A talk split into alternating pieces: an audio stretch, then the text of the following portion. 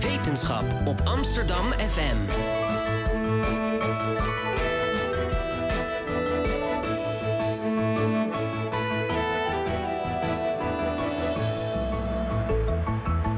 Radio Swammerdam. Een hele goede morgen en welkom bij Radio Swammerdam, het slimste wetenschapsprogramma van Amsterdam FM. Ik weet niet wat voor wetenschapsprogramma's er allemaal nog meer in Amsterdam gemaakt worden, maar uh, wij zenden altijd live uit vanuit de OBA, of tenminste live. Uh, na, mijn naam is Lieven Heremans en naast mij zit mijn uh, tafeldame of heer Henk Dankjewel. ook van de Werven. Um, Goedemorgen. Heb jij geluisterd naar de uitzending die we hebben gemaakt in december over liveness? Ja, dat is al een aantal weken geleden, maar ja, daar heb ik wel naar geluisterd. En wat heb je daar toen uit geleerd? Met betrekking tot privacy, ons onderwerp van vandaag, denk ik vooral dat er um, social media als platform en hoe die alles met elkaar linken. Dus eigenlijk het gevaar van dat je alleen maar Tinder kan gebruiken. Als je, Tinder is een app, een dating app, die je alleen maar kan gebruiken als je lid bent van Facebook. En dat je dus alle data samen wordt gekoppeld tot één bedrijf, wat Facebook is. En dat je dus alles op straat ligt. Ik denk dat dat is wat ik heb geleerd met betrekking tot privacy. En dat in de West Coast liveness vijf minuten achterloopt of 50 seconden, zoiets. Maar dat weet ik niet ja, meer. Maar dat, is, dat zijn details. Uh, heel goed onthouden, Henk. Uh, als je die nog wil terugluisteren, en over liveness gesproken, we zijn ook tegenwoordig een podcast, dus dan kan je luisteren wanneer, waar en wanneer je maar wil. Uh, ik adviseer ook heel erg om die liveness uitzending terug te luisteren voordat je deze uitzending gaat luisteren. Als je nu toch als podcast aan het luisteren bent, want dan snap je er gewoon twee keer zoveel van. Uh, we hebben ook andere uitzendingen gemaakt over privacy, namelijk eentje over big data en ook over hoe algoritmes werken. Die kan je ook allemaal terugvinden in de iTunes Store. Hartstikke leuk. Um, en dit is de tweede uitzending in het dossier maatschappij. Uh, de fundamenten van de maatschappij. Want alle wetenschappers die zijn wel leuk de, de, wereld aan het onderzoeken, maar ze kunnen niet ontkennen dat ze ook in een sociale werkelijkheid leven. De vorige uitzending uh, in het dossier ging over uh, gevangenis. Dus wat voor wetenschappelijk onderzoek er gedaan wordt op gevangenen. En vandaag gaan we eigenlijk onderzoeken hoe je kan voorkomen dat je in de gevangenis komt door je online gedrag. Um, voordat we de gasten gaan introduceren die hier aan tafel zitten, wil ik even een very warm welcome back to Bart van Herikhuizen. Hij zit naast me. Dankjewel. Je was een tijdje weg. Kan je vertellen waar je was? Waar ik was? Ik was in het ziekenhuis, onder andere. Ik ben ernstig ziek geweest. Ik had alvleesklierkanker. Dat heb ik trouwens nog. Maar uh, na een uh, ingrijpende operatie en chemotherapie ben ik weer helemaal enthousiast om in Zwammerdam door te gaan met mijn column. Ik ben heel erg blij dat je weer terug bent. Alvleesklierkanker, is dat die klierkanker die Steve Jobs ook had? Ja, ja. dat is uh, een, een, van de dingen die ik met Steve Jobs deel. Ja. nou goed, nog, nog veel meer uh, relevantie. Vandaag aan tafel gaan we het hebben over privacy en heb je nog iets te verbergen?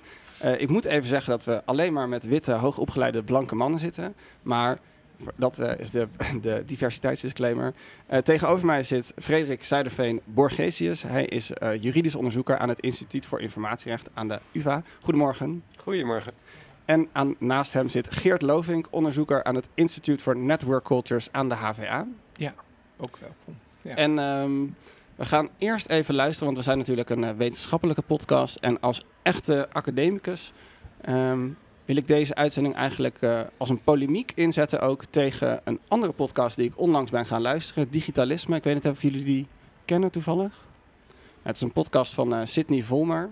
Hij is een uh, creative. Ja, die kent u wel, Geert? Ik ja, zit er hard te knikken. Sidney wel. Ja. Um, ja. En we gaan even luisteren. Ik ken zijn project ook. Ja, ja. nou... Uh, we gaan even luisteren naar een introductie van zijn project. Uh, hij is de gast bij BNR Nieuwsradio. Het is een beetje een raar fragment, omdat uh, op een gegeven moment denk je... hé, hey, het programma begint opnieuw. Maar dat hebben ze zelf zo bij BNR geknipt. Dat is niet mijn schuld. We gaan even luisteren. De media die bieden ook iets aan. Uh, media zijn ook nooit helemaal objectief natuurlijk. Ze Klopt. opereren ook binnen een kader. Dus je hebt dat niet alleen in de digitale wereld. Nee, maar het gaat erom dat je... Um uh, je legt je vertrouwen of in een zender of een journalist die hopelijk aan waarheidsbevinding doet en de, pijnlijke verhalen opzoekt, of je legt hem in technologie. En als je dat vertrouwen in technologie legt, dan moet je wel weten wat daar aan ten grondslag ligt. Hoe die code is ge geschreven en wat voor soort informatiebubbels er om jou heen worden uh, gecreëerd. Wat gebeurt er met jouw data? Als jij straks eh, sterft, staat jouw data dan nog ergens op een server? Verdienen ze daar dan nog steeds geld aan? Zou jij daar geld voor moeten gaan krijgen? Allemaal vragen die jij je stelt, eh, die nog niet beantwoord zijn. Nou, er zijn gelukkig meer mensen mee bezig, maar eh, te weinig in Nederland, denk ik. Ik verlang vooral terug naar die tijd omdat ik toen anders naar muziek luisterde. 24 uur per dag online. Steeds vaker roept dat heimwee op naar de tijd dat we dat nog niet waren. BNR Nieuwsradio. Zet je aan. BNR, de nieuwe onderneming. Een wekker, een radio, een bibliotheek, een muziekspeler, een kompas, een tomtom, een rekenmachine, een computer, een krant, een fototoestel en een bankpas. En oh ja, een telefoon. Het zit allemaal in je smartphone. En daarom noemen we die ook wel een multipurpose device. Eigenlijk kunnen we niet meer zonder, maar we vervloeken het ding ook wel eens. De rol van technologie in ons leven. Daarover heb ik het vandaag in de nieuwe onderneming met mijn gast, schrijver en techcriticus Sidney Volmer. Sydney, uh, we hebben op de redactie van BNR een rondje gemaakt om eens te kijken hoeveel mensen eigenlijk best terugverlangen naar die tijd dat ze nog wel eens een paar uur onbereikbaar waren. Uh, niet continu online, niet altijd op de hoogte van het laatste nieuws. Wel moeilijk voor een journalist. Uh, luister even mee. Ja, absoluut. Omdat ik toen veel minder gestrest was. Vroeger, toen je alleen op de vaste telefoon had en het internet nog niet bestond... ja, dat was een stuk rustiger. Vond ik wel zo fijn. Op mijn verlanglijstje staat een wekkerradio zodat ik mijn uh, telefoon echt gewoon uit kan zetten als ik ga slapen. Dus dat sowieso. En voor de rest, ja, nee, ik gebruik mijn telefoon wel gewoon voor muziek, voor Spotify. Uh, maar een wekkerradio komt zeker uh, op mijn kamer. Oh, oh, oh, wat is het toch allemaal ernstig gesteld met de media die ons beïnvloeden in het dagelijks leven. Ik wilde eigenlijk eerst even vragen, Frederik, moet je, wil jij ook een wekker? Of wil je liever, zet je liever je telefoon uit? Ja, sterker nog, ik heb er alleen, zodat ik uh, mijn telefoon op een andere verdieping kan laten liggen. En hoe zit het bij jou, Geert? Nou, ik vind die hele reductie van computers tot het mediavraagstuk zo ouderwets. He, computers uh, uh, gaan ja, nou juist veel verder. En het, het, vragen stellen aan een, aan een journalist over computers, dat is wel helemaal de verkeerde invalshoek. Het is, journalisten die hebben wel iets met computers. En, maar ja, ik denk computers hè, bestrijken vandaag de dag het hele leven. En niet alleen maar nieuws, want nieuws is maar een heel klein stukje van uh, zeg maar ook de digitale ervaring. Mm -hmm. En als het gaat over uh, privacy, dan, uh, ik had het zelf ook helemaal in het begin, dan zeggen mensen, ik heb niks te verbergen. Frederik, kan je uitleggen wat er gek is aan zo'n argument, ik heb niks te verbergen? Nou, laat ik twee dingen noemen. Ten eerste geloof ik mensen niet die dat zeggen. Want je moet je maar eens proberen hun pincode uh, te vragen.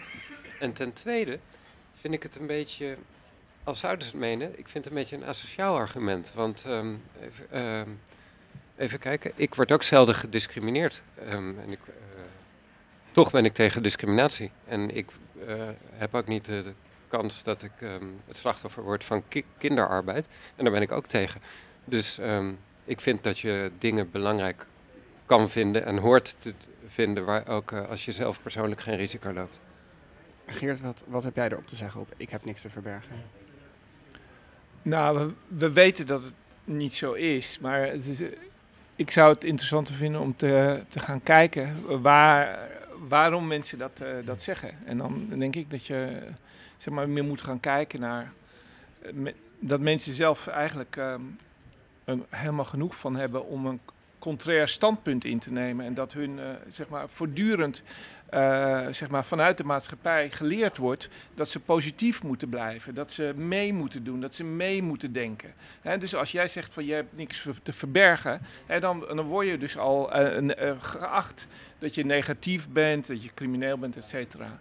En hè, dus het, het, is, het is die dwang tot positivisme die mensen leidt hè, om zoiets te zeggen.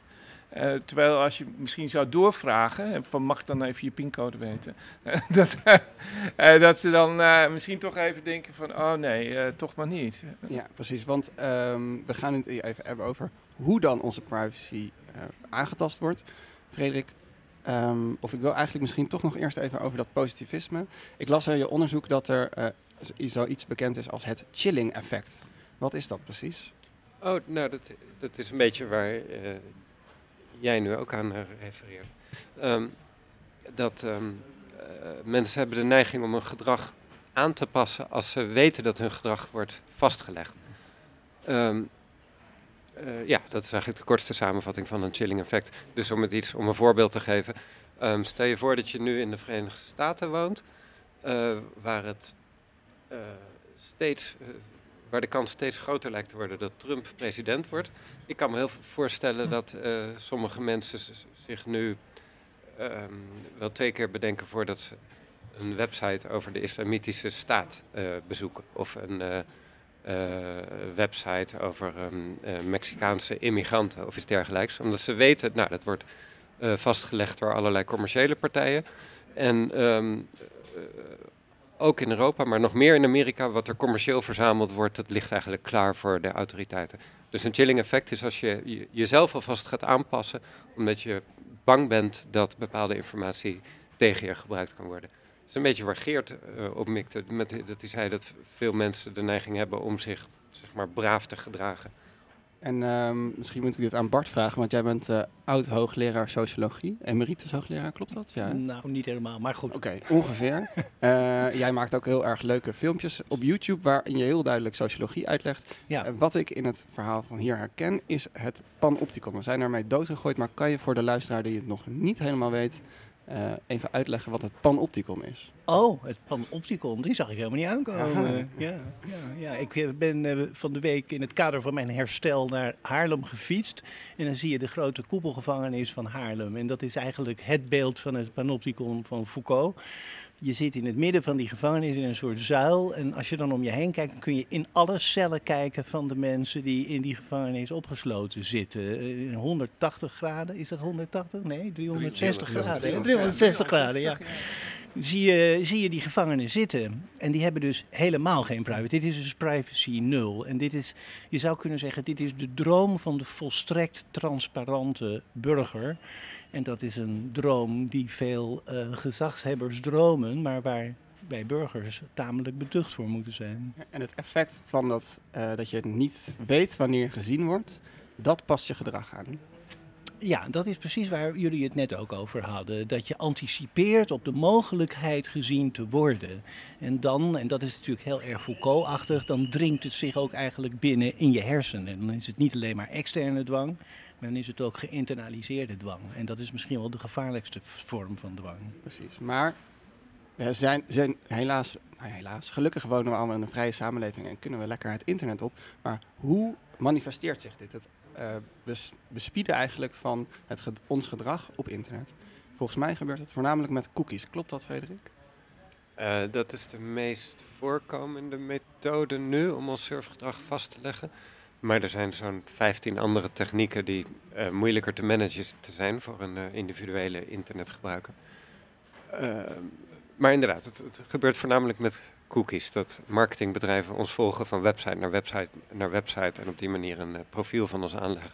Henk, weet je nu eh, precies hoe het werkt? Wat is een cookie? Nee, eens Nee. wat een Moeten we cookie is. toch nog iets meer de details Ik weet wel, Wat is een cookies, cookie? het gebeurt als ik nu bijvoorbeeld naar de npo.nl ga. Dan komt er een pop-up naar voren die zegt, wilt u cookies op uw, eh, op uw computer laten installeren, want anders kan ik die website niet op. Dus ik klik ja. Maar ik weet niet precies wat ik, waar ik dan ja op zeg. Oh, dat is wel een goede uitdaging voor de radio voor mij om dit eens uit te leggen. Ehm, Ga je gang. een websitehouder die, ehm, die eh, begin jaren 90 herkende, een websitehouder herkende losse bezoekers niet. Dus als je eerst klikte op de voorpagina en eh, daarna op recent nieuws, dacht de websitehouder, de- voor de websitehouder is het mogelijk dat je twee verschillende bezoekers had. Dat was onhandig toen ze eh, eh, online winkels wilden ontwerpen. Toen hebben ze bedacht, als je nou ehm, een bezoeker een code geeft, 1, 2, 3, maar het zou net zo goed Jantje of Pietje kunnen zijn, dan kun je tenminste diezelfde bezoeker herkennen, bijvoorbeeld als hij eh, iets in zijn winkelwagentje stopt. Hartstikke handig. Of om te onthouden dat iemand is ingelogd. Of om te onthouden dat volgen hoe iemand zich op die website beweegt. binnen de website, Ja. ja. Maar toen is er een ontwerpfoutje gemaakt. Ehm, want iemand die advertenties zeg op eh, nieuws.nl plaatst en ook advertenties op ehm, weer.nl, die kan via nieuws.nl een cookie plaatsen, nummer 12345. En diezelfde advertentiebedrijf kan daarna op weer.nl diezelfde bezoeker herkennen. En op die manier eh, kan een bedrijf wat op heel veel eh, websites aanwezig is, zoals Google, wat op 80% van alle websites wereldwijd aanwezig is. Als je op één website bent geweest eh, waar Google mee samenwerkt, of waar een Facebook-duimpje op staat, dan kan Google of Facebook of enkele honderden andere partijen die we niet zo duidelijk zien, die kan de eerste keer kan jou een unieke code meegeven en je daarna herkennen van website tot website. En af en toe, voor de lol, bij wijze van experiment, gooi ik een tijdje mijn cookies niet weg. En eh, even kijken, om te zien eh, of advertenties aan mijn eh, interesses worden aangepast en zo. En ja, als die bedrijven twee weken kunnen volgen wat ik doe, als onderzoeker is het redelijk saai wat ik doe, maar toch, dan hebben ze toch een heel aardig idee van, van wat al mijn interesses zijn. En je zegt cookies weggooien, dus je kan je dus ook beschermen tegen die cookies. Of tegen het volgen van jou als nummertje, als 1, 2, 3. Cookies kun je nog wel wat tegen doen. Ehm, en het helpt redelijk wat, schijnt het. Eh, want ehm, marketingbedrijven worden vreselijk boos als een browser beslist om eh, dat soort eh, third-party cookies, is de technische term, zeg maar volgcookies, ehm, eh, te blokkeren.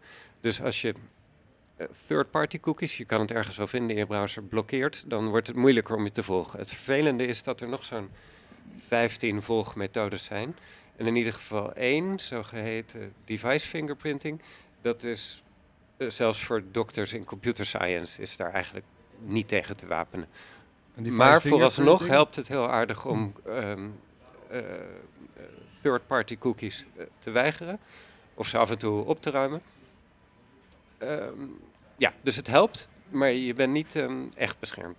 En device fingerprinting, wat is dat dan precies? Dat ken ik eigenlijk ook niet. Ik moet nu denken aan mijn iPhone waar ik mijn vinger op kan leggen en dan kan ik erin.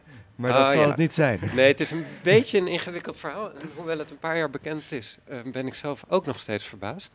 Als wij beiden straks naar beneden lopen en beide een iPhone kopen, is er goede kans dat voor eh, een websitebezoeker onze telefoons op dat moment al herkenbaar zijn als aparte apparaten, omdat ze net op verschillende frequentie nadenken, zeg maar, door de chipjes die erin zitten. Maar helemaal als we een paar weken hebben, bijvoorbeeld je browser, Safari of Firefox, onthoudt welke lettertypes je eerder hebt gezien.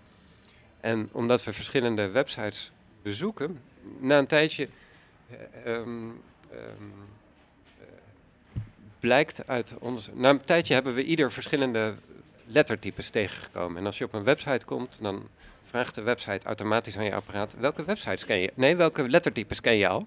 En dan antwoordt mijn telefoon deze 103 en jouw telefoon antwoordt deze 107. En op die manier, en als we wat langer hebben, hebben we misschien een verschillende update ingeladen en zo. Het komt erop, dit hele lange verhaal komt erop neer dat eigenlijk ieder apparaat herkenbaar is als een soort eh, eh, vingerafdruk. En een veelgehoord argument van, eh, van de bedrijven die die informatie vergaren is... ja, maar de data die wij hebben is toch anoniem van mensen. Het is niet gekoppeld aan namen. Eh, voor sommige bedrijven eh, klopt het misschien dat ze je naam niet hebben. Maar die unieke nummers in tracking cookies, die zijn eigenlijk veel beter om iemand te volgen dan een naam. Want er zijn bijvoorbeeld heel wat mensen die Jan de Vries heten. En het, ehm, het Google cookie wat ik in mijn apparaten heb, voor ik ze weggooi, dat is echt uniek voor mij. De, ehm, afgezien daarvan eh, komt er ongeveer iedere maand een paper uit waarin ze weer een zogenaamd ehm, geanonimiseerde dataset, dat ze daar weer naam aan hebben geplakt. Dus onderzoekers die doen een re-identificatieonderzoek. Dus eh, eh, eigenlijk kun je dat argument niet altijd serieus nemen. En het gevaar is dan ook dat als onderzoekers dat kunnen, dat commerciële bedrijven dat ook kunnen. Die misschien niet het beste met de data voor. Ja, of in sommige landen ehm, eh, autoriteiten die toegang eisen of eh, toegang, zichzelf toegang hacken tot commerciële databanken.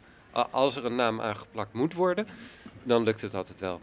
Het is alleen dat die bedrijven die eh, vooralsnog is hun belangrijkste doel om advertenties op je af te voeren. Maar aan de andere kant al heel snel blijkt dat ze die profielen gedetailleerder willen maken. Dat ze bijvoorbeeld je cookie profiel willen koppelen eh, aan het ehm, eh, profiel van de nationale variant op de bonuskaart. En dan eh, gebeurt dat gewoonlijk wel via de naam. En dan knippen ze daarna die naam er weer vanaf, nadat alles gekoppeld is. En dan claimen ze weer dat het anonieme gegevens zijn. We kunnen het gewoon niet echt serieus nemen, dat argument. Nou, heb ik nog een leuk argument. Ehm, iOS 9 kwam uit en eh, toen was er heel veel he- heisa dat Apple het mogelijk maakte om een adblocker te installeren op je device. Dus dat je ook als je mobiel browste, dat je geen advertenties te zien krijgt. Een van de vele argumenten die ik niet, toen in ieder geval gelezen heb, is ja, maar het is onethisch. Dat kan je sowieso niet zeggen, maar het is slecht, want met die advertenties betaal je de uitgevers van de media die je consumeert. Snap je wat ik bedoel? Ja, ik denk het wel. Is dat Eh, een valide argument? Nou, dat hoor je inderdaad wel van sommige websitehouders die geld verdienen eh, door middel van advertenties. Ehm, ja, het lastige is, device fingerprinten helpt het niet of weinig tegen vermoedelijk, maar eigenlijk de enige, de, of een van de weinige manieren om je nog een beetje tegen eh, tracking te beschermen en voor de gewone gebruiker de beste is een adblocker installeren. Want een goede adblocker die zegt ehm, in feite, als een computer nieuws.nl of weer.nl bezoekt, laten we even bij nieuws.nl blijven, dan moet die browser alleen maar ehm, eh, informatie opvragen die echt van nieuws.nl afkomstig is. Dus niet van advertenties.nl, tracking.nl, marketing.com, al die bedrijven die aan de achterkant mee blijken te werken. Ehm, ja, dus ik gebruik nu ook een adblocker, niet omdat ik zo'n inherente hekel heb aan advertenties, maar ehm, om mezelf een beetje tegen dat volgen te beschermen. En ehm, tja, dat de websitehouders dan zeggen die eerst twintig jaar lang stiekem al dat, ehm, eh, al die tracking op mensen, eh, dat mensen dwingen zich bloot te stellen aan al die tracking, om daarna te zeggen van het is oneerlijk om een eh, adblocker te installeren. Op mij maakt het dan niet zoveel indruk, dat argument. Geert, wat voor eh, adblocker gebruik jij? Oh, Wat zou je het- adviseren? Het zijn er, het zijn er wel vijf, geloof ik. Ja. ja. Nee, eh, ga, vooral, eh, ga vooral shoppen. En, eh, kijk, ze doen het allemaal op al die verschillende browsers. Het, het is heel simpel om het eh, te installeren. Hè, dus eh, dat, het, het is eh, eigenlijk binnen een halve minuut eh, gedaan. En eh, ja, het maakt, ehm, het maakt gewoon heel erg veel uit. En ehm, ja, als je kinderen hebt, doe het vooral ook eh, bij kinderen en bij, bij andere eh, zeg maar machines in, eh, in het huis. Dus niet alleen eh, op je telefoon of op je laptop. Eh, kijk ook iets verder om je heen, want eh, dat, eh, dat helpt ook eh, heel erg veel. Ehm, het argument dat eh, dit, eh, zeg maar die, die, die bedrijven zou eh, onder, ondermijnen, zou ik eh, willen pareren met eh, de oproep om andere verdienmodellen te gaan ontwikkelen. Want daar gaat het uiteindelijk om. Wij hebben niet gevraagd om die gratis websites. Dat, is helemaal niet, dat is helemaal niet waar. Het, het idee dat internet gratis is, dat komt niet van de gebruikers. Dat is een model wat opgezet is vanuit Silicon Valley, waar een heel specifiek verdienmodel eh, aan vastgekoppeld zit.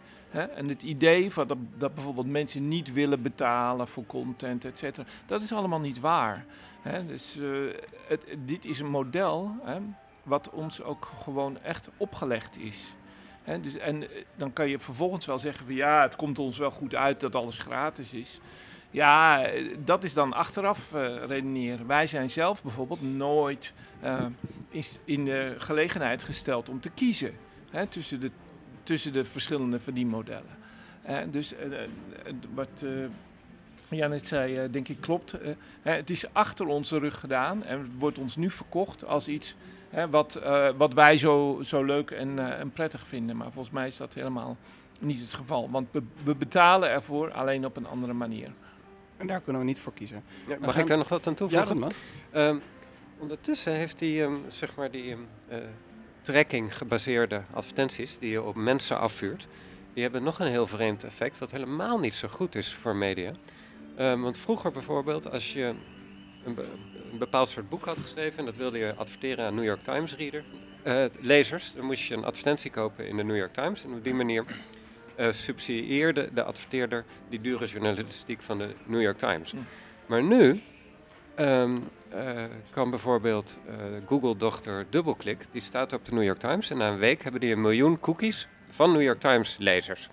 Dus als je nu New York Times-lezers wil bereiken als een adverteerder, kun je gewoon naar Google toe gaan, DoubleClick, en zeggen van ik wil mijn boek adverte- eh, adverteren aan New York Times lezers. Maar Google kan ervoor zorgen dat die mensen bereikt kunnen worden op wat voor random website dan ook. Zonder dat, er dus, zonder dat die adverteerders dus nog eh, de New York Times eh, subsidiëren. Ehm, omdat in feite zijn advertenties nu volslagen helemaal losgekoppeld eh, door middel van die cookies van ehm, eh, de website zelf. De advertenties worden gericht op mensen, terwijl vroeger, net zoals op tv, werden advertenties gekoppeld aan de inhoud. Dus op de lange termijn, of nu al eigenlijk, ehm, ehm, is, zijn die tracking gebaseerde advertenties eigenlijk helemaal geen goed nieuws voor ehm, dure journalistiek. En dat kan je volgens mij ook weer ergens omdraaien. Ook dat je dus als, als consument mis je dus ook heel veel informatie uiteindelijk. Als het allemaal eh, bepaalde advertenties dus op jou worden gericht als persoon. Dan krijg ik bijvoorbeeld nooit een boek. Ik ben bijvoorbeeld niet per se geïnteresseerd in boeken over. Dat, waar ik helemaal niet geïnteresseerd in ben. Ik ben best wel breed ge- ge- geïnteresseerd. Zwangerschap. Maar over zwangerschap bijvoorbeeld. Dat zal ik niet zo snel zien, omdat ik dat nooit op Google. En dat je dus je krijgt een soort eigen gespecialiseerde bubbel, een soort van. waar je Ja, in dat zit. is eh, wat Elie Parise de filterbubbel noemt. Hè. Dat is een eh, beroemd boek. eh, dat is alweer best, best wel oud. Hè. Dus, deze kennis is, is al eh, zeker een jaar of zes, zeven al, al bekend. Hè, dus eh, je- we doen er alleen eh, heel, eh, heel weinig mee. Het is wel zo dat, er natuurlijk, dat je via tests eh, kan gaan eh, kijken of die, of die ook, ook, ook echt bestaat. Nou, dan kun je er nog, wel vanuit wetenschappelijk oogpunt nog wel wat eh, vraagtekens bij zetten. Of, hè, of die populistische, die populaire aanname wel, wel klopt. Hè, dat ik alleen maar mijn eigen nieuws zie. Maar het, het klopt natuurlijk dat al die, al die machines, al die verschillende machines, ah, ja, toch allemaal anders zijn. Daar be- begon jij uiteindelijk eh, je, je verhaal mee. En dat is de essentie ervan, hè, dat wij het idee hebben nog steeds van die, van die computer als een soort universele rekenmachine. Hè, dat is uiteindelijk zoals het eh, hè, 50, 60, 70 jaar geleden allemaal eh, begon. Ja, en nu zijn er toch apparaten die, die heel, heel spe- specifiek zeg maar, worden ingewerkt op de personen die ze, die ze gebruiken. En die redenering, eh, die, eh, die, die kan ik wel onderschrijven. Nou, we hebben gehoord dat eh, de meeste argumenten voor ik heb niks te verbergen eigenlijk nergens op slaan. We gaan heel even pauzeren. Als je aan het luisteren bent en je zit achter de computer, je kan even een adblocker installeren terwijl we luisteren naar Curtis Mayfield. Dat was een verzoek van Frederik. Ik heb even gezocht, maar hij heeft inderdaad een. hij is natuurlijk bekend vanuit zijn strijd voor tegen racisme. Maar hij heeft ook een mooi, relevant nummer eh, voor nu geschreven. If there's a hell below, we're all gonna go. Gaan we even naar luisteren. Don't worry. If there's hell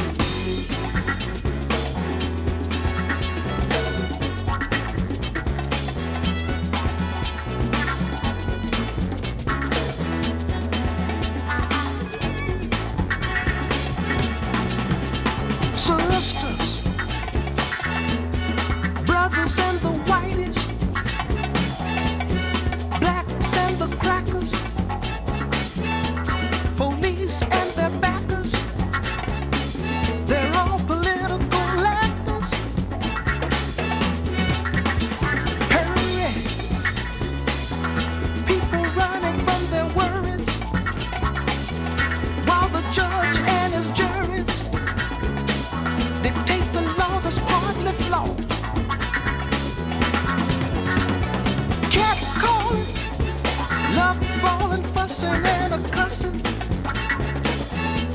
Top billing now is killing. For peace, no one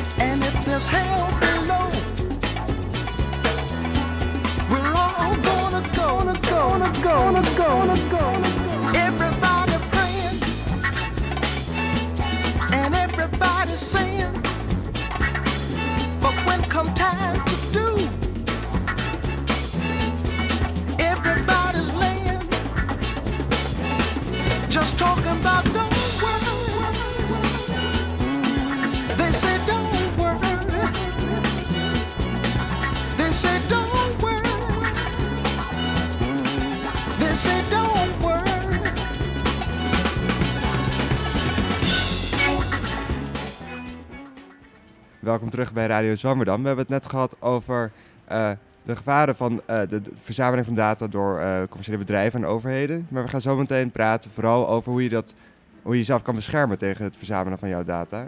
Maar eerst gaan we naar de column van Bart eh Herikhuizen. Hij Van is weer terug als van Herikhuizen. Hij is weer terug als columnist. En hij gaat een geheim onthullen, hoor ik net. Ja, ik ga een geheim onthullen. Dat leek mij wel passen bij het onderwerp van deze uitzending. Dus ik ga de column een beetje oneigenlijk gebruiken. Het geheim dat ik ga onthullen betreft mijzelf. En het heeft te maken met wat ik nou maar even zal noemen mijn geaardheid. De enige mensen die dit geheim tot nu toe kennen zijn mijn vrouw, die dan ook voor deze plechtige gelegenheid naar deze studio is toegekomen, mijn beide kinderen en mijn zusje. Mijn moeder, die drie jaar geleden is overleden, had ik ook deelgenoot gemaakt en ze was vreselijk ongelukkig over wat ze te horen kreeg. Eigenlijk heeft ze het nooit helemaal kunnen aanvaarden. Ik heb ervoor gezorgd dat op mijn Facebookpagina geen enkele toespeling te vinden is. Op mijn internetsite www.bartvanherikhuizen.nl staan artikelen, columns, interviews, zelfs een paar dagboekaantekeningen. Maar ik heb er nauwkeurig op toegezien dat de bezoekers niets kunnen bevroeden van mijn dark secret. Soms waren de studenten wel eens iets te onbeschaamd. Na afloop van het college lieten ze merken dat ze zekere vermoedens koesterden, maar altijd hield ik stijf en strak vol. Daar hebben jullie niets mee te maken, dat is privé. Ik moet zeggen dat de meisjes drammeriger bleven doorvragen dan de jongens, maar ik gaf geen sjoegen gedurende die vier decennia dat ik college gaf aan de Universiteit van Amsterdam. Binnenkort word ik 68 en dan draag ik dit geheim precies een halve eeuw met mij mee. Want het was op mijn achttiende dat ik, na veel gepieker en gesprekken tot diep in de nacht met mijn beste vrienden, besloot dat er geen ontkomen aan was. En toen ik dat eenmaal zeker wist, heb ik er altijd consequent naar gehandeld. Want ik houd niet van mensen die van twee balletjes eten. Nou, daar gaat hij dan. Sinds mijn achttiende jaar stem ik bij elke verkiezing op de Partij van de Arbeid. Zowel bij de landelijke, als bij de provinciale, als bij de gemeenteraadsverkiezingen. Nooit op GroenLinks, nooit op D66, altijd op de Sociaaldemocraten van de P van de A. Misschien is er nu een luisteraar die zal zeggen: Zo erg is dat nou toch ook weer niet. Waarom zou je daar nou zo geheimzinnig over doen? Ten eerste, vanaf het moment dat ik sociologie ging doseren aan de universiteit, en ik was al kandidaatsassistent toen ik 23 was, wist ik met intuïtieve zekerheid dat het niet goed was als de studenten mijn stemgedrag kenden. In de jaren 70 was je voor heel wat Amsterdamse sociologiestudenten een rechtse docent, wanneer je niet op de P van de A, wanneer je niet op de CPN of de PSP stemde, maar op de P van de A. En als ik dan het vervreemdingsbegrip van Marx uitlegde in een college of het waardevrijheidsbegrip van Weber, dan zou ik een stukje van mijn academische distantie kunnen verspelen, zo vreesde ik, als de studenten in de zaal wisten dat hun docent op Joop den Uil stemde. Ze zouden dan gaan speuren naar een eventuele verborgen agenda. Het zou de didactische relatie vervuilen. Maar er speelde nog een ander motief mee. Er bestond en er bestaat weinig eerbied voor het geheim van het stemhokje. Het stemgeheim is een van de fundamenten van onze democratie. Er zijn te veel landen waar de overheid precies weet wie van de stemgerechtigden op de president heeft gestemd en wie zijn of haar stem op de oppositie heeft uitgebracht. In sommige van die landen is het mogelijk dat degene die tegen de regering heeft gestemd in het holst van de nacht van zijn bed wordt gelicht en nooit meer thuiskomt. Dikwijls zijn de gevolgen milder. Het kan gebeuren dat je, als je niet op de regeringspartij hebt gestemd, ineens merkt dat je niet meer voor promotie in aanmerking komt. Hoe bevoorrecht wij, Nederlanders, in dit opzicht zijn, wordt onvoldoende beseft. Het verbaast me telkens weer dat mensen, wanneer hen in straatinterviews op de radio of televisie de vraag wordt gesteld op welke partij ze hebben gestemd, bijna nooit zeggen: dat valt onder het stemgeheim, dus dat zeg ik niet.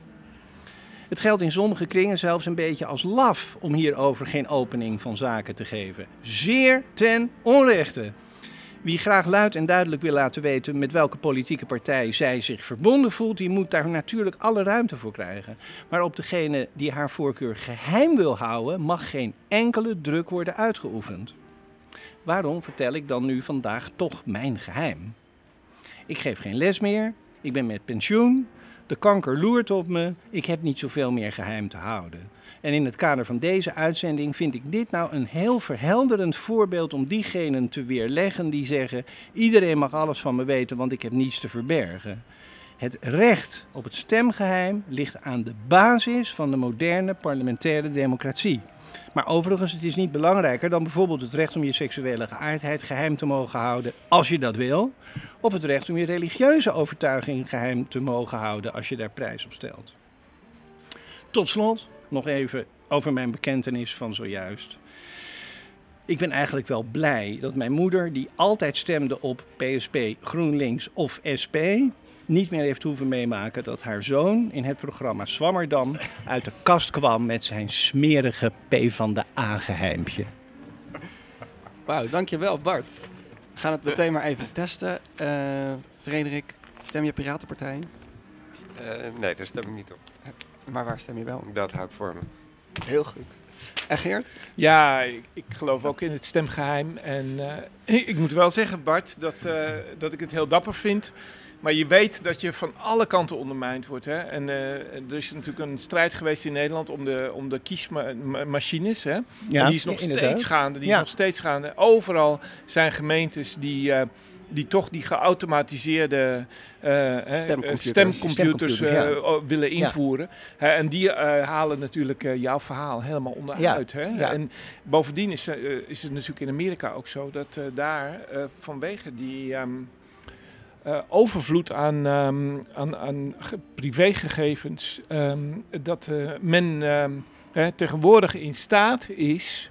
Hè, om, eh, ook als jij het geheim houdt, Ja. er toch achter te komen wat je hebt gestemd. Ja. Hè? En eh, dat is natuurlijk waar we, de, waar we hier over, eh, over hebben. Hè, Maar dus is dit die- nou een pleidooi voor het rode potlood? Het rode potlood moet terug in het stemhokje? Ja, dat sowieso. Hè. Ik, ik, ik geloof ook zelf helemaal niet in, in die stemcomputers. Hè. Dus hè, ik, ik vind, je mag ze best laten testen door hackers. Maar ja, ik kan je toch op een briefje geven eh, hè, wat, daar, eh, wat daaruit gaat komen. En ik vind eh, zelf dat we het, eh, het risico niet eh, moeten nemen. En ik vind het eh, zelf altijd heel erg inspirerend dat het juist de hackers zijn Ja. die eh, aankomen met het verhaal. Introduceer geen eh, eh, kiescomputers. Ja. Hè? Dus ehm, doe, begin daar niet aan, want wij kunnen ze hacken. Geert, je hebt ook een boek geschreven, de Social Media Abyss. Is het al uit? Nee, hè? Over twee maanden. Over twee maanden. verschijnt Is het al af eh, wel, dat, ja, het verschijnt in het Engels, in het Duits, Italiaans. Ja. Doe maar. En waar gaat Ja. het over?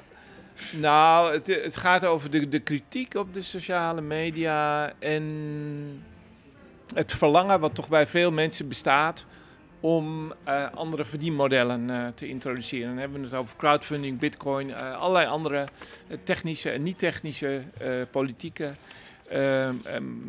modellen om te komen tot een nieuwe herverdeling hè, van, eh, van, van macht en, eh, van inkomen.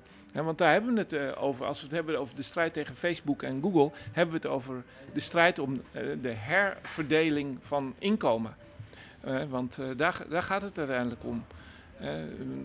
Dat wordt vaak toch niet zo misschien ge- geformuleerd, maar ehm, eh, kunstenaars, mensen, schrijvers, mensen die eh, dingen produceren, die hebben er recht op dat, eh, dat ze het eh, geld krijgen wat, wat zij zelf genereren. En dat is op dit moment steeds minder het, het geval. Waar gaat dat nu mis?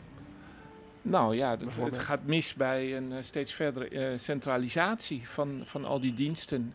En, en, en de datacentra die, doen daar nog eens een schepje bovenop. Hè? Dus zelfs in de infrastructuur is het dus nog zo dat we die centralisatie, eh, die, waar eigenlijk traditioneel het internet helemaal niet mee wordt geassocieerd. Hè, maar die, ja, in de afgelopen twintig jaar zijn we eigenlijk eh, telkens eh, verder opgeschoven. In- internet is geen eh gedecentraliseerd eh, computernetwerk meer. Nee, dat is een eh, gecentraliseerde eh, infrastructuur van een zeer beperkte hoeveelheid eh, eh, firma's en diensten eh, die wij ehm, eh, afnemen. En waarom moeten we daar iets aan doen? Behalve dan dat... eh, Nou, allereerst denk ik dat we, dat we ook. eh, waar, waarom zou je niet ook bij eigen belang kunnen beginnen? Waarom zou je niet kunnen zeggen. En natuurlijk kunnen we bij het algemeen belang beginnen. Maar ik denk zelf dat mensen, ze- zeker in deze stad, in Amsterdam, er straks heel erg veel eh, eh, profijt van zullen hebben als we, als we die monopolies gaan eh, opdelen. En dat we gaan zeggen van nee, we gaan ze nationaliseren, opsplitsen en eh, we gaan toewerken naar een, een herverdeling van, van die inkomsten. Hè, want op dit moment gaat het helemaal mis. De, de, ja, dat, dat heet dan de 1%. eh, hè, dus, de- er is gewoon een enorme concentratie van, van macht en van inkomen aan de gang. En de mensen die uiteindelijk eh, daarvoor eh, werken en eh, daar binnen produceren, en dat zijn er steeds meer mensen. En het gaat heus niet alleen maar om die journalisten. Eh, eh, denk even aan alle webwinkels en alle, hè, alle, allerlei eh, vormen eh, van, van werk zijn al geïntegreerd in die internetmachine. En dan hebben we het over logistiek, maar ook over de land- en tuinbouw, gezondheidszorg, noem het maar op. Zoek maar eens een sector op waar eh, de, de computer en de internet eh, geen eh, invloed heeft. En naast het opbreken van die bedrijven vanuit de overheid, moeten we zelf ook beter ons best doen om te cryptograferen. Dus Nou, dat is, een, dat is een geste, ja. Dat is een politieke geste. Ik denk zelf, je kan, je kan wel heel sterk zeggen van ja, je, kunt je, je moet jezelf beschermen, maar dat is maar heel relatief. En we hebben er denk ik in deze uitzending al op gewezen dat het vrijwel ondoenlijk is hè, om die anonimiteit ook helemaal tot het eind van de rit toe eh, vol te houden. En eh, er zijn heel veel voorbeelden van, van, eh, van mensen die het toch proberen en, en het uiteindelijk niet gaat lukken. Ik denk zelf dat als je je bijvoorbeeld gaat eh, bewapenen, als je jezelf gaat beschermen, dan, dat je dat dan vooral doet eh, als, een, als een collectieve eh, geste, als een collectief eh, gebeuren. Hè, want je doet het heus niet alleen maar eh, om jezelf eh, te beschermen, want eh, als het puntje bij paaltje komt, eh, gaat dat eh, toch niet lukken. En Frederik, hoe denk je als jurist hierover? Ehm, nou, in grote lijnen ben ik het wel mee eens dat als je regels opstelt. Of nee, ik ga eerst op Geert's laatste punt in. Ehm, eh, ik vind het inderdaad niet eerlijk en dus ook onverstandig beleid om eh, al te veel verantwoordelijkheid af te schuiven op de schouders van de individuele gebruiker. Het is belachelijk dat er bedrijven zijn met honderden, duizenden eh, mensen met een PhD in computerwetenschap die dag in dag uit eh, bezig zijn met trackingmethodes te ontwikkelen en dan hopen dat individuele gebruikers hun eigen computertje wel gaan dichttimmeren, terwijl die ook een leven te leiden hebben. Dus ehm, ik ben erg voor individuele keuze, maar ehm, ik ben, eh, je kan mensen ook wel wat bescherming bieden. En ik vind dat de, de wetgeving qua privacy ehm, wel iets meer bescherming mag bieden aan individuele gebruikers. En op Geerts grotere punt, de monopolies die, die in de huidige eh, die worden gevormd ehm, op het web en op het internet. Ik geloof dat iets van 80% van alle advertentieinkomsten wereldwijd die gaan naar drie, eh, vijf bedrijven. Ehm, dat vind ik ehm, ook heel verontrustend. En het eh, juridische instrument om monopolies op te knippen eh, was altijd eh, mededingingsrecht, competition law. Maar dat is nog erg aan het worstelen ehm, hoe je bedrijven, op wat voor grond je bedrijven opknipt. Eh, als, eh, even kijken, de klassieke reden om een bedrijf op te knippen is eh, ten eerste angst voor monopolies, gewoon inherente angst. En ten tweede dat als ze eenmaal een monopolie hebben, dat ze de prijzen heel hoog maken. Maar mededingingsrecht is nog erg aan het worstelen met ehm, Hoe kun je nou een bedrijf opknippen wat zijn diensten zogenaamd gratis aanbiedt, zoals Mhm. Google en Facebook?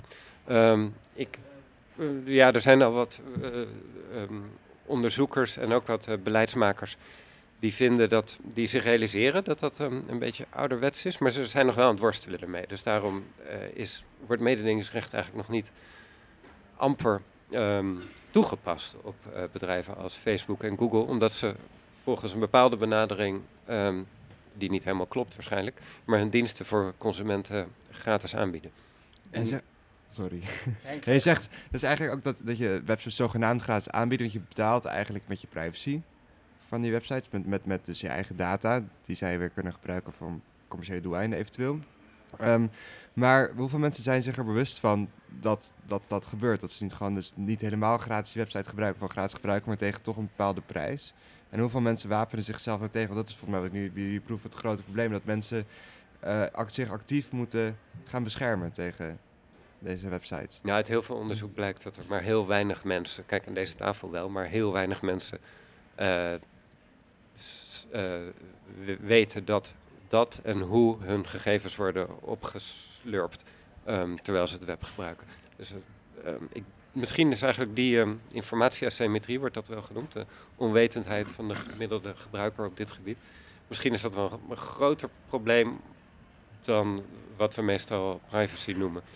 Ehm, maar even kijken. ehm, we zijn al lang gewend dat je consumenten beschermt als ze niet kunnen. ehm, als er informatieasymmetrie is. Mensen kunnen ook niet zelf beoordelen waar, of een auto veilig is of, of een maaltijd veilig is. En daarom hebben we hele strenge regels voor voedselveiligheid. En daarom mag je helemaal geen auto op de markt brengen als die niet aan allemaal eisen voldoet.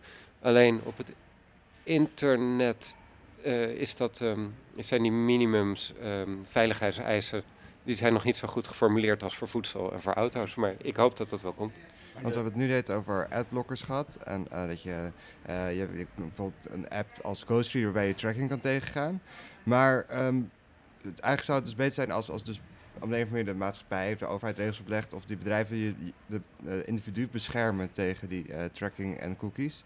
En een van die manieren zou dan encryptie ook kunnen zijn, wat hackers dan onderling ook gebruiken.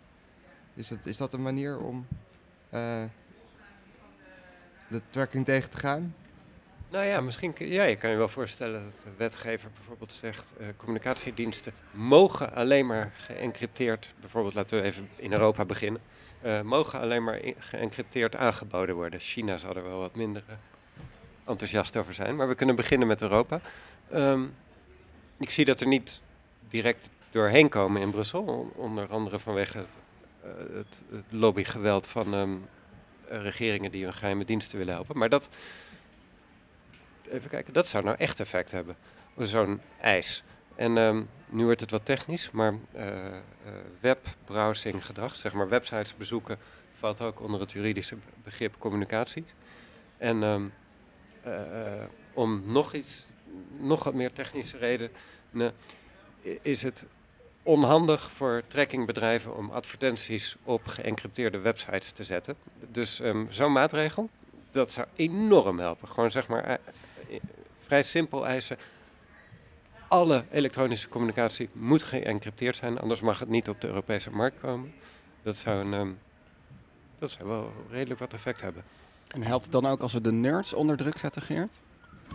Ja, ik denk dat na Edward Snowden, hè, die naam moet gewoon toch even vallen in deze uitzending, dat er toch eh, ja, eh, nog meer besef eigenlijk is ontstaan. Dat is toch wel eh, de, de beweging die strijdt voor eh, cyberrechten, zoals in Bits Nederland bijvoorbeeld Bits of Freedom, dat die toch steeds ja, meer stem krijgen. En ja, ik vind het juist heel erg grappig dat we hier vaak over adblockers spreken. Want het is nou juist de dienst, hè, onder velen, die ehm, zeer onlangs een soort kritische massa heeft bereikt. Ik weet nog heel goed, eh, drie, vier, vijf jaar geleden bestond adblocker ook al. Echt heel obscuur, Ghosttree ook. Ja, en eh, ja, dan word je toch ochtends op een gegeven moment wakker. En dan denk je opeens van, oh jee, de, iedereen eh, is het gaan gebruiken. Wat een, eh, wat een feest. Hè? Eh, maar dat, is, dat heeft natuurlijk lang geduurd. En ehm, ja, door uitzendingen als deze en, en eindeloos veel andere zeg maar, discussies die mensen met elkaar voeren, privaat, maar ook in het openbaar, ehm, zijn we tot dat punt gekomen. Alleen, ja, dat is een, een beschermingsmaatregel voor een browser. Hè, maar we hebben ook nog zoiets als eh, hè, telefoneren met je smartphone. Mhm. We hebben eh, e-mail. Er zijn eh, heel veel verschillende manieren van, van communiceren die nog totaal niet, niet beschermd zijn. En daar moeten we gezamenlijk iets aan gaan doen. En we zijn bijna door de tijd heen, maar ik wil toch nog even weten van jullie. Wat is nou de makkelijkste manier om een versleuteld bericht te versturen? Voor de luisteraar. Die wil nu, ik wil nu mijn pincode naar mijn moeder sturen, want ze heeft mijn pinpas of zo. Hoe kan Oh. ik dat doen? Ja, hangt er vanaf van wat voor apparaten je Ik heb moeder een iPhone. gebruikt. Ja, als je moeder er ook in heeft, eh, iMessages, dat is, ehm, die zijn automatisch geëncrypteerd. En eerder vroeg je van, eh, kunnen hackers hier nog iets aan doen? Ehm, ik snap dat het heel moeilijk is, maar eh, veel encryptiemethoden zijn gewoon nog heel lastig te gebruiken voor individuele gebruikers. In Apple zit, het, zit er in, voor bepaalde communicatiemethodes zit het er gewoon in Apple gebakken. En daarom gebruiken heel veel mensen dat zonder het te weten. Ehm, en dat zou wel wat meer mogen gebeuren. Dus ehm, Maar goed, we, we zetten nu ook druk op eh, bedrijven als Google en Facebook. En eh, dat eh, gaat resultaten opleveren. Zie nu de, de confrontatie tussen Apple en de FBI. En ja, het is natuurlijk heel spannend om te zien waar, dat, waar dat toe zal leiden. Maar ehm, ja, het, feit dat je dus, binnenkort ook echt heel duidelijk zichtbaar zeg maar, ehm, versleutelde berichten kan, kan versturen. En dat is waar we, waar we naartoe moeten. En dat, eh, ja, we moeten gewoon eh, vechten voor die gebruiksvriendelijkheid. Want eh, daar zal het uiteindelijk toch wel van afhangen. Hè. Als het heel erg ver verstopt is en niet goed werkt, ja, dan, dan gaat het niet gebeuren. Eh, Het zal toch geïnstalleerd moeten worden in alle apps die ja, de miljoenen, zo niet miljarden mensen eh, eh, op deze wereld gebruiken. Ik, concre- eh, Oeh, sorry. Bart zit eh, al heel, heel geduldig te luisteren altijd. Wat ga jij nu doen? nou, ik ga van natuurlijk vanmiddag die adblockers eh, inschakelen, dat begrijp je wel. maar wat, mij, eh, wat, ik, wat ik heel opvallend vind in dit hele gesprek, als socioloog, hè, dat, eh, dat, dat jullie zeggen en Frederik me heel nadrukkelijk zegt. Het heeft zo weinig zin wanneer individuele mensen zichzelf goed beschermen. Je moet een soort tegennetwerk opzetten om daar te- tegenwicht tegen te bieden. En dat zie je natuurlijk in de sociologie heel vaak. Dat mensen proberen om iemand zijn individuele verantwoordelijkheid aan te spreken. En dat levert zo weinig op. En hier hoor ik dus ook weer collectivisering. Een soort consumentenbond voor de gebruikers. En Bits of Freedom is natuurlijk toch een beetje ook zo'n soort organisatie. Ja, ik hoorde eindje al, dus eh, ik zou zeggen, kom in verzet. Heel mooi eindwoord. Dankjewel Bart voor je mooie column. Ehm, Frederik Borge Zuiderveen Borgesius en Geert Lovink, dank voor jullie komst. Henk, goede vraag gesteld, dankjewel. Eh volgende week is alweer de derde uitzending in dit dossier maatschappij. Waar gaat het dan over, Henk? Ja, eh, we duren een beetje voort op dit thema. We gaan het volgende week hebben over kansen en risico's van big data en de gezondheidszorg. Want er zijn veel partijen, zowel zo, zo- zoals eh, medici als wel eh, zorgverzekeraars die heel veel baat hebben bij eh, medische data. En het kan goed of slecht uitpakken en daar gaan we over praten. Oké, risico's. Luister dan in ieder geval volgende week. U kunt natuurlijk ook vanmiddag de hele uitzending luisteren op amsterdamfm.nl, op onze Soundcloud, op onze podcast. Heeft, was u het eens of oneens wat, met wat in deze uitzending gezegd werd? Verstuur dan een versleuteld bericht naar radioswammerdam.gmail.com. Het liefst ook eentje dat zichzelf na een uur verwijdert, dan hoeven we dat niet te lezen. En like ons op Facebook en Twitter. Ja, toch wel. Oh. Ehm, de podcast staat dus in de iTunes Store, of waar je ook maar je eh, dingen vindt. Vanmiddag, op, zondagmiddag, als je nu live zit te luisteren, is er een privacy café hier boven in de OBA. Dat wordt georganiseerd door Bits of Freedom. En graag tot volgende week.